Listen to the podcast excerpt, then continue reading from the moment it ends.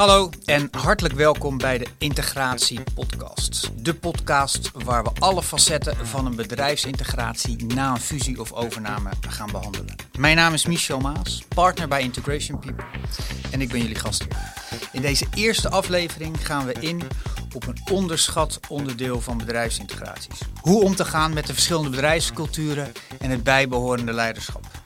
Mijn gast vandaag is Frank Uiterweert, schrijver van verschillende boeken, waaronder het recentelijk uitgekomen Systeem geïnspireerd leiderschap.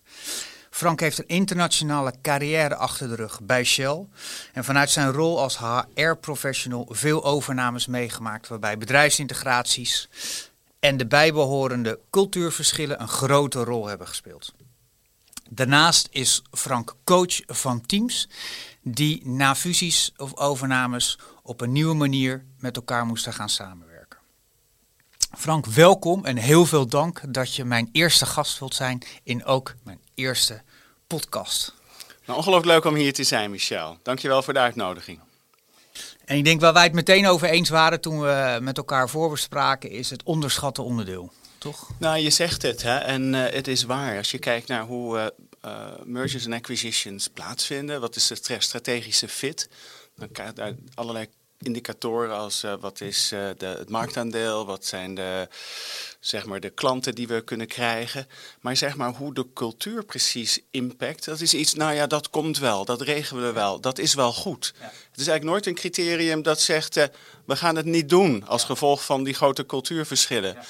En dat is denk ik, inderdaad wat je zegt, onderschat. En dat is ook iets wat echt wel zijn prijs heeft als je dat niet doet. Ja, ja, ja ik denk ook, wat wij ook zien is, er zal nooit een deal niet gedaan worden omdat de cultuurverschillen groot zijn. Maar het is wel zo in het proces daarna dat deals mislopen of dat integraties mislopen omdat die cultuurverschillen te groot zijn en omdat er geen aandacht aan is gegeven. Ook ja.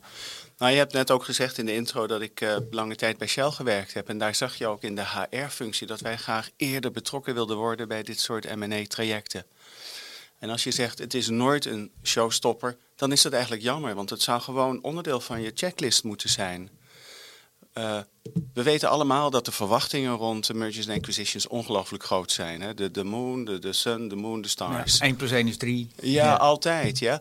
Maar wordt het echt geleverd? Daar is eigenlijk nauwelijks, uh, wordt eigenlijk helemaal niet opgevolgd.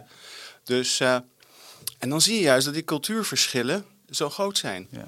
En ik, ik neem aan dat je ook die uitspraak van Peter Drucker kent, ja? Over culture eats strategy by breakfast, ja? ja? Het is echt heel belangrijk. Ja, en kun je, want je hebt natuurlijk kijk, cultuurverschillen, die zijn er altijd in, bij een fusie of een overname. Dus je hebt er altijd mee te maken. Maar waar, waar komt zo'n bedrijfscultuur nou vandaan? Ja, mooi dat je dat zegt. En wat ik dan gelijk al zou daarbij willen zeggen, is dat het is ook belangrijk dat je respect hebt voor zo'n cultuur. Want een cultuur is eigenlijk een antwoord op hoe je dingen beter voor elkaar kunt krijgen. En nogmaals, ja, ik heb bij Shell gewerkt. Daar zie je bijvoorbeeld een cultuur. Dan praat je over investeringen van 30 jaar of 20, 30 ja, jaar. Ja. Dus dat je dan zorgvuldig analyseert. En ja. dat je echt wil kijken wat zijn eigenlijk de risico's. Hoe ga je dat de-risken en noem het allemaal op. Is logisch. Ja.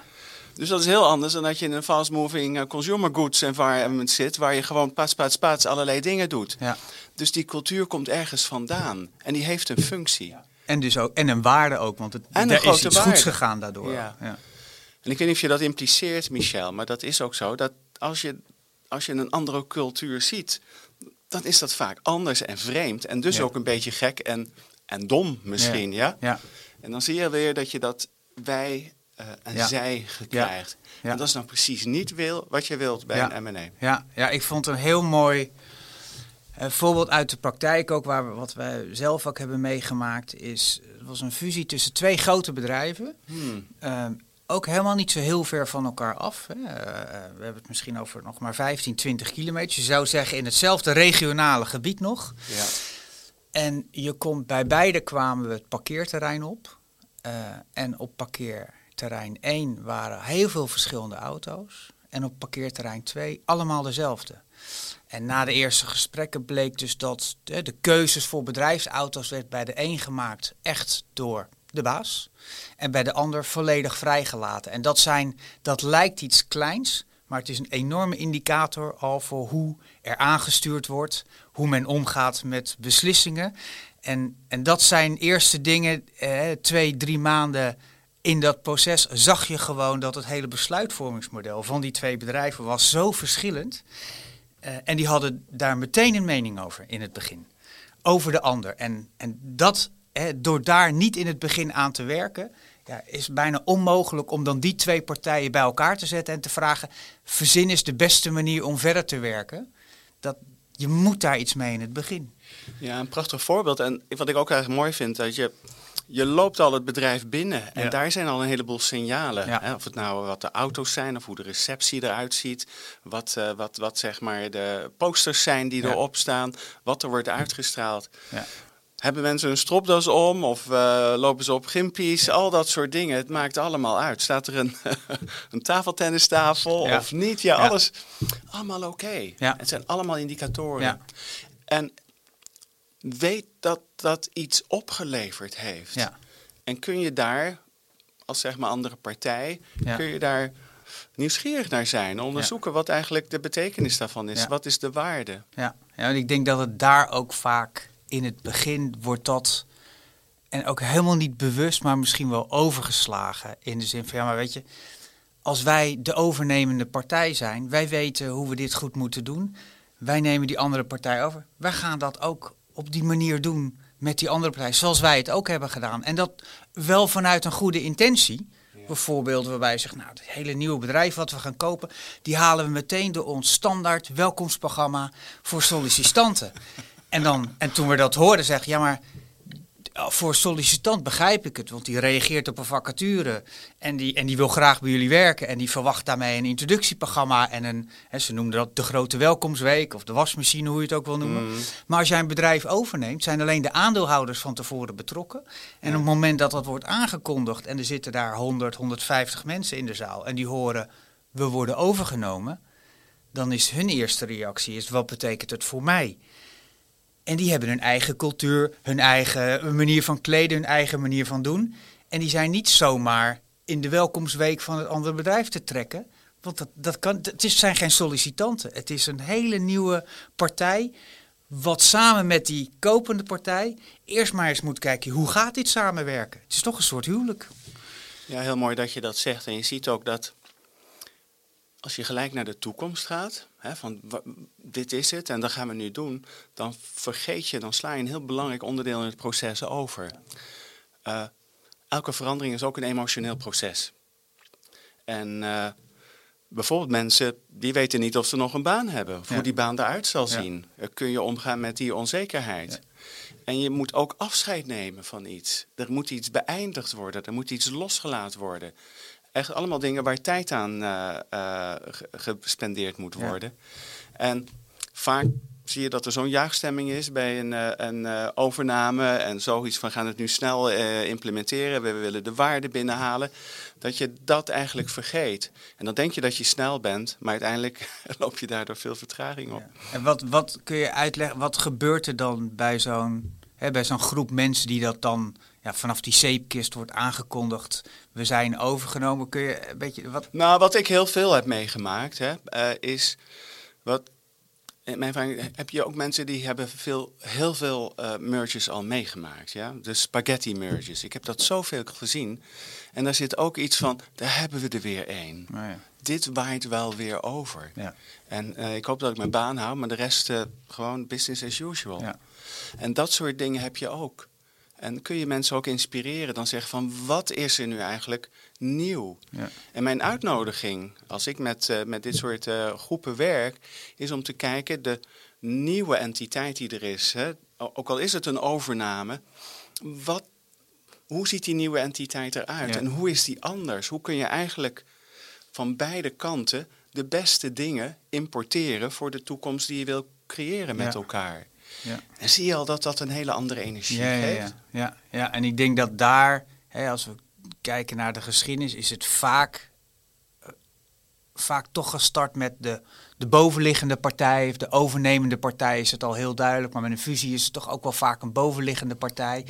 Dat een soort ja, dat ontstaat van ja, we doen het dan op, op, op de manier zoals de bovenliggende partij. Eerst, eerst op dat moment is er niet eens, denk ik, een, zozeer is men niet zo zich vaak van bewust van er komt, er komt zo'n grote nieuwe cultuurgroep mensen bij. Het wordt niet meer hetzelfde. Dus die initiële veiligheid van we doen het op onze manier, dat ga, eigenlijk gaat dat nooit werken. Nou, kijk, wat je dan eigenlijk, ik hoor tegen zeggen hoe je dat uh, neerzet, dus daar komt ook een sens of een, een gevoel van winnen en verliezen bij. Ja, bijna zijn de winnaars, de verliezers, en dat werkt eigenlijk niet. Ja. Nou, je hebt ook een referentie gemaakt aan het boek dat ik geschreven heb over leiderschap. Ja? Ik denk dat leiderschap een ongelooflijk belangrijke rol speelt. Hè? Je kunt als leider gewoon die, die ruimte creëren waar je, ja, waar je respect hebt voor elkaar. Uh, en waar je ook tijd investeert om zeg maar, mensen door dat emotionele proces te, uh, begeleiden. En je kunt ook met elkaar, hè, met zeg maar de beide groepen, uh, co-creëren wat de nieuwe toekomst is. Hoe die uh, nieuwe organisatie eruit ziet. En er zijn natuurlijk veel meer stakeholders wat dat betreft. Maar betrek ze erbij. Maak het onderdeel van een co-creatieproces. Uh, in plaats van. En toch nog even heel sterk. Als je alleen maar assimileert. Hè, dan ben je waarschijnlijk ook veel van de reden waarom je dat bedrijf wilde hebben, ben je kwijt. Ja. Heel vaak zie je bij grote bedrijven willen ze iets innovatiefs bezig binnenhalen. Nou, als je dat gewoon op je eigen manier doet, is dat innovatieve binnen drie maanden echt dood. Heb je het geïmplementeerd? Ja, dan heb je honderd mensen meer op je payroll staan. Ja. Maar je hebt niet meer value. Ja, ja. ja wij hebben wel eens, wel eens uitgelegd ook aan bedrijven waar we dan mee werken. Zeg, kijk, alle alle kennis om hier iets goeds van te maken, hè, om de juiste manier van samenvoegen, die is er. Het enige wat we moeten doen is zorgen dat iedereen wil meewerken. En als wat, ja, wat we net ook over hadden, als zo'n aankondiging wordt gedaan en iedereen zijn eerste reactie is natuurlijk, wat betekent het voor mij? Je zegt, heb ik mijn baan nog? Dus die zijn op dat moment nog niet helemaal in de modus om een halve dag daarna in een kamer gezet te worden samen met de nieuwe collega's van het andere bedrijf. Jongens, denk eens even na wat de nieuwe combinatie, hoe dat zou moeten werken. Dus die aandacht naar eerst die duidelijkheid, die informatie uh, uh, en ook eerst luisteren voordat we gaan vertellen over hoe het gaat, dat, die, dat lijkt bijna een vertraging in het begin. Ik merk wel eens dat als je dat dan uitlegt, we moeten eerst dit doen. Ja, we moeten wel snel gaan. Ja, maar dit, dit is snel gaan. Maar dit is even de tijd te nemen om te zorgen dat we straks kunnen gaan sprinten. En, en zo niet gaan we straks. En als je nu gaat rennen en je besteedt hier geen aandacht, het enige wat gebeurt is dat we steeds langzamer gaan. En dat, ja, dat is nog wel eens, die, dat inzicht is zo belangrijk om zeker in dit soort processen in het begin neer te leggen. Ik ben het zo met je eens. En, en uh, dat going slow in order to go fast, dat is iets wat, wat vaak heel moeilijk is voor leiders. Ja. Die onder druk staan, die graag resultaten willen leveren. Uh, en ja, dat vereist ook dan voor die leiders dat ze dat ze dat zich van zichzelf bewust zijn en die ruimte geven en zich realiseren dat als je dat niet doet, krijg je later in het proces mensen die niet gemotiveerd meer zijn. Of mensen, de, je hebt ook misschien designs niet goed gedaan. Ja. En wat ik zei, het afsluiten is ook een belangrijk onderdeel. Het respect hebben voor de bestaande culturen. Wat kun je dan integreren of wat kun je importeren naar, een naar je nieuwe bedrijf? Ja. Besteed daar echt tijd voor. Ook het elkaar leren kennen. Oh, en de bedrijf, andere bedrijven leren kennen. Ja.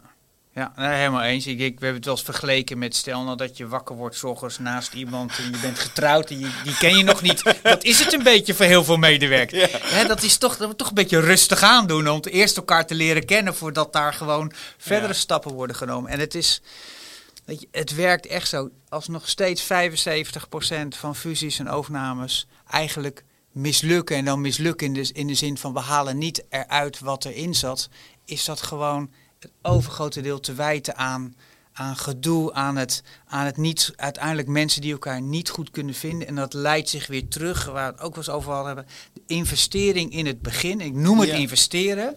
investeren in, in wat zijn die cultuurverschillen? Hoe gaan we goed met elkaar samenwerken? Dus eigenlijk de rust nemen om dat te doen voordat je met een groot bord gaat tekenen. Hoe gaat het eruit zien? Die investering betaalt zich terug. Doe je hem niet, dan krijg je ook de rekening. Ja. En ik, in mijn ervaring is het ook altijd belangrijk om mensen bewust te maken dat de cultuur is niet een turnkey proces. Het is niet zoals bijvoorbeeld met de structuur kun je zeggen op 1 januari gaat de nieuwe structuur in. Ja. Het proces gaat op 1 februari. Bij cultuur kun je dat niet. Dat is iets wat dynamisch en organisch is. Ja, En dat heeft tijd nodig. We hebben een andere, andere manier om, om zeg maar die cultuur in te bedden. ja, En vaak moet die cultuur ook gecreëerd worden, geco-creëerd met Ja. elkaar. Eh, en ontdekt worden. ja. Eh, en dat is juist eigenlijk een hartstikke leuk proces met elkaar. Ja, ja. maar het, het vergt, want wat vergt het in het begin ook om, om mensen dan bewust te maken van, ja, weet je, als we het hebben over ook jouw boek, hè, systeem geïnspireerd leiderschap, maar wat, hoe werkt zo'n systeem nou? Hoe, hoe moet je daar nou, hoe kun je daar nou in het begin met zo'n groep mensen, hè, je hebt het niet over individu, maar over een collectief van bedrijf A, bedrijf B. Hoe, wat zijn nou de manieren om daar op de juiste manier aandacht aan te besteden, zodat je het ook, ja, dat, ook dat collectief een beetje gaat bewegen? Ja. Nou, kijk, op de juiste manier. Het is altijd, het is natuurlijk niet één eh, grote Nee. manier, maar als je Ja. gewoon kijkt wat belangrijk is. Mijn ervaring is wat het beste helpt bij integratie, is mensen van de verschillende bedrijven samen te laten werken op belangrijke projecten. En dat kan zijn. Ik heb bijvoorbeeld zelf eh, gewerkt op eh, hoe ziet het nieuwe HR-systeem eruit? Of de HR-policies, wat zijn onze principes? Hoe doen we het met salarisgroepen, Ja. met jobgroepen? Hoe Ja. ziet de remuneratie eruit? Eh, Ja. eh, wat denken we over eh, talent en de hele ruimte met teut? En je doet dat met elkaar. Ja, En dat is natuurlijk iets waar je inhoud hebt. ja, Maar als je dan met elkaar zit, besteed dan ook wat tijd aan het proces. ja, doe een goede check-in. ja, Hè? Goh, Van hoe zit je erbij? Hoe voel je je? Hoe zit dat? En ook van hoe willen we eigenlijk samenwerken met elkaar? ja, Eh, en, en ook dan af en toe op de pauzeknop. Hoe gaat het eigenlijk, de samenwerking?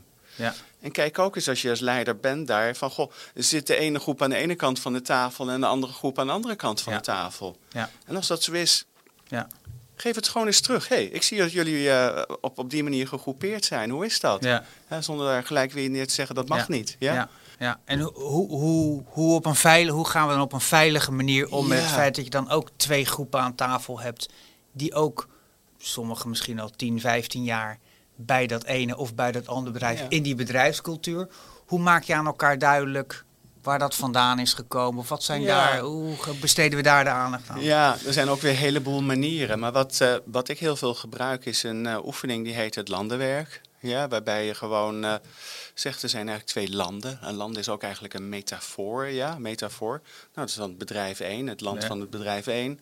En met name de cultuur ervan. En dan de, het land 2, eh, eh, ook de cultuur daarvan. En dan zeg je, goh, zullen we het eens, onder, zullen we het eens bezoeken? Ja. met elkaar. En dat bezoeken doe je dan als toerist. En een toerist, de essentie van een toerist is dat hij respect heeft. Tenminste, dat, dat hoop je, dat Ja. een toerist die Ja. nieuwsgierig is. Kom dan eens binnen in deze cultuur. Hoe ziet die cultuur eruit? Daar vertel je dan over. Waarom is dat? Ja. Enzovoort. Ja. En dan krijg je begrip ervan. Oh, zit dat zo? Ja. En dat kun je dan met elkaar doen. Dan kun je met elkaar denken van wauw, zo zit het in elkaar. En dat is dan de eerste keer dat je wat meer begrijpt. En dan zeggen van hé, hey, onze nieuwe organisatie, hoe ziet die er dan uit? En wat zou daar nuttige cultuurelementen Ja. zijn? Ja. Cultuur, nieuwe cultuur moet altijd nuttig zijn voor wat je wil creëren met elkaar. Ja, ja er zit denk ik ook, er zit ook helemaal juist, is volgens mij ook echt een element in dat je ook even wil zorgen dat, dat mensen van beide bedrijven ook gewoon erkennen dat er een bedrijfscultuur. Net zoals je weet dat als je naar Frankrijk, Italië, Spanje Ja. eh, gaat, dat daar een andere cultuur is. Want Ja. eh, sommige integraties hebben ook nog een internationaal karakter. Dan krijgen we nog een laagje erbovenop. Naast de bedrijfscultuur hebben we ook nog eens de internationale cultuur. Maar dat er ook een, weet je, dat er een, dat er een erkenning en een herkenning is. Dat het daar anders is en niet beter of slechter, maar anders is. En dat je dat ook gewoon moet omarmen en accepteren. En dan ontstaat er acceptatie en dan gaat samenwerken ook veel makkelijker. Eh, de tegenhanger is, en dat heb ik wel eens een paar keer in zo'n situatie, hè, kwamen wij wat later binnen. En dan was dat proces al een tijdje aan de gang en er was daar geen aandacht aan gegeven. En het was aan beide kanten één grote berg van aannames Ja. over waarom het aan die kant eigenlijk niet goed gaat. Zij kunnen geen beslissingen nemen. Ze, ze lopen er niet professioneel uit. De aannames die stapelden zich op omdat er in het begin niet aandacht was besteed aan hoe gaat het Hoe doen jullie dingen? Wat gaat er goed? Wat gaat er minder goed? Hoe, hoe werkt dat? Want dat heeft wel even geleid tot dat mooie bedrijf wat er is gekocht. Of, wat, of het bedrijf wat aan het kopen is. Dus die, die fase, die investering in het begin, die is toch, die is, ik denk, van cruciaal belang om te zorgen dat je daarna kan sprinten. Ja, wij zijn het helemaal eens. Maar je ziet ook hier weer het uh, wij en zij. Ja. Als je dat hebt, dan ben je op de verkeerde weg. Ja. En wat je ook zei, ze zien er niet uit, hè? Ja. Ik heb ook het verhaal gehoord van... Uh, ja, als iemand op gimpies loopt, dan kan hij niet een goede businesspersoon zijn. Ja. ja? ja. als je al zo begint. Ja. Maar leer die persoon eens kennen. Praat er eens over. Maak de relatie. Doe samen werk met elkaar. En dan zie je hoe snel dat eigenlijk gaat. Wat dat betreft hoef je geen grote uitgebreide cultuurprogramma's te doen. Het is eigenlijk, die cultuur moet zichzelf vormen door samen te werken. Maar geef wel begeleiding aan dat uh, proces. Ja. En start daarmee Start daarmee. Vanaf dag één. Dat is denk ik ook de boodschap. Start daarmee vanaf dag één. Want daar voorkom je gewoon eigenlijk zoveel mee. En dat is wat je zegt. Het zijn geen grote investeringen. Het is niet, je hoeft niet met z'n allen vier weken op reis. Maar kleine interventies zijn al zo belangrijk. Omdat je eigenlijk laat zien met welke insteek je aan tafel gaat zitten. Je zit dus niet meer aan, aan de onderhandelingstafel waarbij je tegenover elkaar zit. Maar je gaat eigenlijk de stoel een kwartslag draaien en je kijkt naar hey, hoe willen we de nieuwe combinatie vormgeven. En die andere manier van denken en benaderen, daar, als je dat in het begin mensen een beetje met compassie uit die onderhandelingsstatus wil gaan halen, dat heeft die deal gebracht. Maar nu moeten we in een andere manier ernaar gaan kijken. Nu moeten we het gaan, echt gaan realiseren met z'n allen. En dat vergt iets anders. Mooi.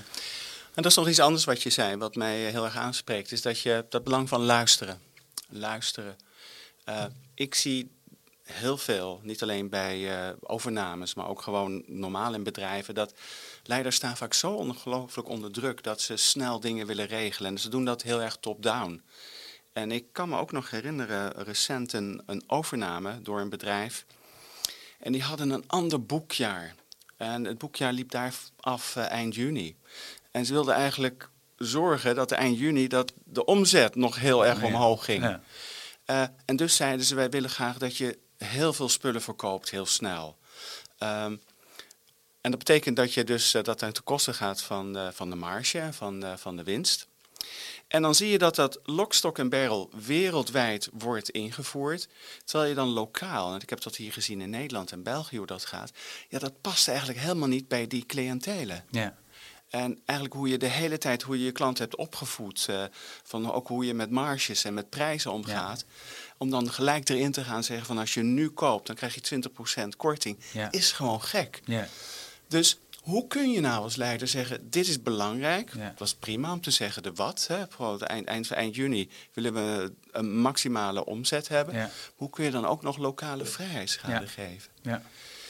En dat zou ik zo graag zien, dat er veel meer lokale ruimte is om dingen, om zeg maar dingen te implementeren. Hoe je het doet. Ja, ja, ja in, in het, zeker in het begin zijn die, hè, dit element waar we het vandaag over hebben, is cruciaal belangrijk. Het andere element is ook gewoon dat je mensen kaders geeft. Absoluut. Waarbinnen ze de oplossing mogen vinden met elkaar. That's it. En als je dat van tevoren, en dat spreek je wel op directieniveau af, want uiteindelijk doe je de deal en zeg binnen deze kaders, binnen deze guidelines willen wij de integratie gaan vormgeven. En dan geef je de vrijheid aan, aan die mensen die je dan samenzet, waar je dan wel voor moet zorgen dat ze uit hun aannames zijn en weten met wat voor bedrijfscultuur de ander eh, eh, uitkomt en daar respect en dan, en dan komen die ideeën die er zijn, alle kennis zit er gewoon, dan krijg je de situatie waarbij je en de juiste dingen doet en met de grootst mogelijke snelheid. Maar die zit hem in die voorbereiding. Ja, en ik zou toch nog graag zien dat de directie wel degelijk wat mensen consulteert. En gewoon ook even luistert van hoe gaat dit vallen. Maar oké, zij kunnen het kader zetten. Ja. En ik herinner me ook nog heel recent hoe een Amerikaans bedrijf bij een overname zei van dat hybride werken, dat is gewoon sloes. Oh ja. Ja? ja. En als je dat in Nederland doet, dan is dat zo gevoelig. Dat is misschien een andere cultuur oké om te doen, daar niet. Wat daar ook gebeurde is dat zeg maar, het gezonde fruit werd afge, afgeschaft. Oh, het gaat eigenlijk om helemaal niets. Maar er zijn allemaal wel elementen die ervoor zorgden dat zeg maar heel veel mensen ontslag namen. Ja. En dan implodeert het bedrijf. En dan heb Ja. je iets gekocht, maar heb Ja. je geen mensen meer. Ja. En dus heb je, heb je Ja. geen waarde Ja, meer. ja, ja. ja. En het gaat snel hoor. Ja. In een paar maanden kun je al veel vernielen. Ja, ja. ja we hadden, ik denk, dus niet zo lang geleden zaten wij met een bedrijf aan tafel. En die hadden een aantal jaren geleden, daar hadden ze goed van geleerd hoor, maar die hadden toch een klein, een, een klein elementje overzien. En ze hadden een bedrijf gekocht en ze hadden ze eigenlijk een paar maanden met rust gelaten. Ook waar het niet naartoe gaat. Het was, er waren allemaal op dat moment de redenen voor om dat te doen. En die kregen na drie maanden, het was een klein bedrijf, we waren tien man, maar het waren wel die zaten een beetje in de ontwikkelings, eh, softwareontwikkelingshoek. En die waren na, eh, en die hadden op een gegeven moment collectief, hadden die met z'n allen hadden ze hun ontslag ingediend omdat die eigenlijk een hele andere manier van begeleiding en aansturing. En, eh, en dat was om redenen was dat toen niet gedaan. En dat was ook van tevoren niet zomaar gezien. En dan krijg je ineens dit. En daar zit je dan met je overname en je, ja, je lege payroll en je kennis die wegloopt. En de, je, dus daar hebben ze enorm goed van geleerd en ze zijn die stappen verder gaan doen. Maar het zijn wel, dit zijn kleine voorbeelden, maar ze gebeuren overal. En soms is het wat jij zegt, be- bepaalde omgeving, de, de, van de tafeltennistafel tot de fruit. Of de manier waarop we toch eh, één keer in de week samenkomen of een stand-up. En als je daar niet eerst goed beoordeelt, hey, wat is hier belangrijk en wat, waar moeten we even niet aankomen? Of je denkt, ik doe het meteen zoals wij doen, de wasstraat door en gaan, want dat werkt voor ons. Dan ben je misschien met de juiste intentie, want het zal nooit intentioneel zijn om waarde te vernietigen. Maar door dat niet op zo'n, naar zo'n, naar, met zo'n bril naar te kijken. Gaat Maar je niet. ziet het punt wat je eerder gemaakt hebt: van investeer in het begin heel veel hierin. Ja. Want dan gaat het eigenlijk uiteindelijk Ja. veel sneller. Ja, ja, ja. En wat zijn nou, als je nou kijkt naar, naar, dan heb je die nieuwe teams bij elkaar. Je zei het net al een beetje ook, want die zijn dan op een gegeven moment aan het werk. Wat is nou, ja, de manieren waarop je ze uiteindelijk toch nog steeds beter met elkaar kunnen laten werken? Want het zijn natuurlijk mensen met achtergronden die van 10, 15 jaar vaak van andere bedrijven komen. Wat, wat, wat kun je daar nog iets meer over zeggen? Want dat wordt zo'n belangrijk onderdeel van zo'n integratie. Uiteindelijk is integreren mensenwerk. Ja. ja, kijk, en wat je nu zegt, dat geldt eigenlijk voor alle bedrijven. Dus dat is wat mij betreft niet echt specifiek voor overnames. Nee. Ja? Eh, en als je naar een systeembenadering kijkt, hè, wat ik denk dat heel belangrijk is, dat je ziet hoe dingen meer zijn dan, eh, dan, dan eh, de som van de individuen. Zeg maar de benadering in systeemgeïnspireerd leiderschap is ook dat een systeem een levend systeem is. Levend. Ja, Dat is misschien een radicale gedachte, maar je bedoelt daarmee dat het een eigen intelligentie heeft en een eigen, eh, eigen behoefte. Een, een, een- ook een eigen gevoel voor waar we naartoe moeten gaan. Ja. Als je dan zo kijkt, dan kun je al die stemmen niet zozeer individueel zien, maar zie je dat als een stem van het systeem. ja, En de meest weerstandige stem heeft ook vaak wijsheid. ja, Kun je die wijsheid zoeken? ja. Eh, wat is dat precies? Ja. Ehm, misschien kan ik nog wel iets concreter zijn daarin. Van, sommige mensen zijn niet zo enthousiast daarover, ja? En dat vinden we lastig. Ja. Dan willen ze eigenlijk eh, dat wegdrukken. ja. Maar je ziet, mensen willen best wel bewegen, maar als er maar bepaalde dingen behouden blijven. ja. Wat zou dat kunnen zijn? En misschien is dat wel een heel goed punt. En kun je dat overbrengen. Ja. Dus er zijn zoveel technieken Ja, om dat te doen. Maar ik denk respect, luisteren naar, eh, begrijpen. ja, Als ik dan zeg van veel luisteren naar eh, en iedere stem horen, dan betekent niet dat we naar het poldermodel gaan. Dat Nee, betekent ja. niet dat we consensus doen. ja, Je kunt dan nog best zeggen op basis van alle input, ik Ja. heb alles gehoord, alles overwogen, ik heb die optie, die optie en we gaan nu dit doen. ja, En dat is toch voor mensen anders. ja. Want ze zijn gehoord en zijn betrokken geweest bij het proces. Ja, ja. en de- ik denk dat daar, daar zit volgens mij de sleutel. Zeker als je eh, met integratieprocessen waarbij je toch, het is voor iedereen nieuw. Ja. En uiteindelijk is er één partij die beslissingen gaat nemen, dat die op, als die op deze wijze gaan. Uiteindelijk wil je wel de boel aangehaakt houden. Want anders dan zit je straks met mensen die, ja, of ze gaan weg, ze nemen ontslag, zoals je net zei, even uit voorbeelden. Maar er is ook een hele groep die zegt van, nou, ik hou gewoon mijn mond.